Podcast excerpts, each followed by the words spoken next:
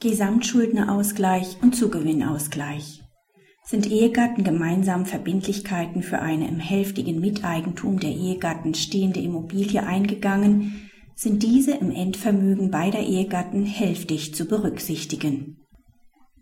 Die Ehefrau begehrt von ihrem geschiedenen Ehemann Zugewinnausgleich über bereits freiwillig geleistete Zahlungen und eine vom Ehemann erklärte Aufrechnung mit einem Gesamtschuldnerausgleichsanspruch hinaus. Am Stichtag waren beide je hälftige Miteigentümer einer Wohnung, die sie nach dem Stichtag veräußert haben. Die den Veräußerungserlös übersteigenden gemeinsamen Verbindlichkeiten bezahlte der Ehemann allein weiter ab.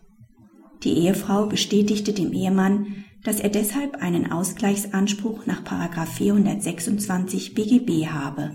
Im Zugewinnausgleichsverfahren wendet sie nun ein, dass die Wohnung mit ihrem vollen Wert im Aktivvermögen des Ehemanns und die darauf lastenden Verbindlichkeiten in voller Höhe in seinem Passivvermögen zu berücksichtigen seien. Bereits während der Ehe habe er die Verbindlichkeiten zurückgezahlt, nur so werde das wirtschaftliche Ergebnis der Ehe geteilt, denn der Ehemann könne dann mit der im Zugewinnausgleichsverfahren voll berücksichtigten Verbindlichkeit keinen Gesamtschuldnerausgleichsanspruch mehr begründen und auch nicht aufrechnen. Das Amtsgericht weist die Klage ab. Die Ehefrau legt Berufung gegen das Urteil ein. Das Kammergericht bestätigt das Urteil des Amtsgerichts. Im Endvermögen beider Ehegatten ist die Immobilie je zur Hälfte zu berücksichtigen, sowohl im Aktivvermögen als auch im Passivvermögen. Für die gemeinsam aufgenommenen Verbindlichkeiten haften die Parteien nach außen hin als Gesamtschuldner. Aufgrund der Handhabung während der Ehe kann jedoch eine Abweichung hiervon vorliegen. Zahlt nur der wirtschaftlich besser gestellte Ehegatte während der bestehenden Ehe auf die Verbindlichkeiten, dann bringen die Eheleute durch den Erwerb des Miteigentums zum Ausdruck, dass die Zins- und Tilgungsleistungen als von beiden in gleicher Höhe geleistet angesehen werden sollen. Ein Ausgleichsanspruch wegen Mehrleistungen kommt dann grundsätzlich nicht in Betracht.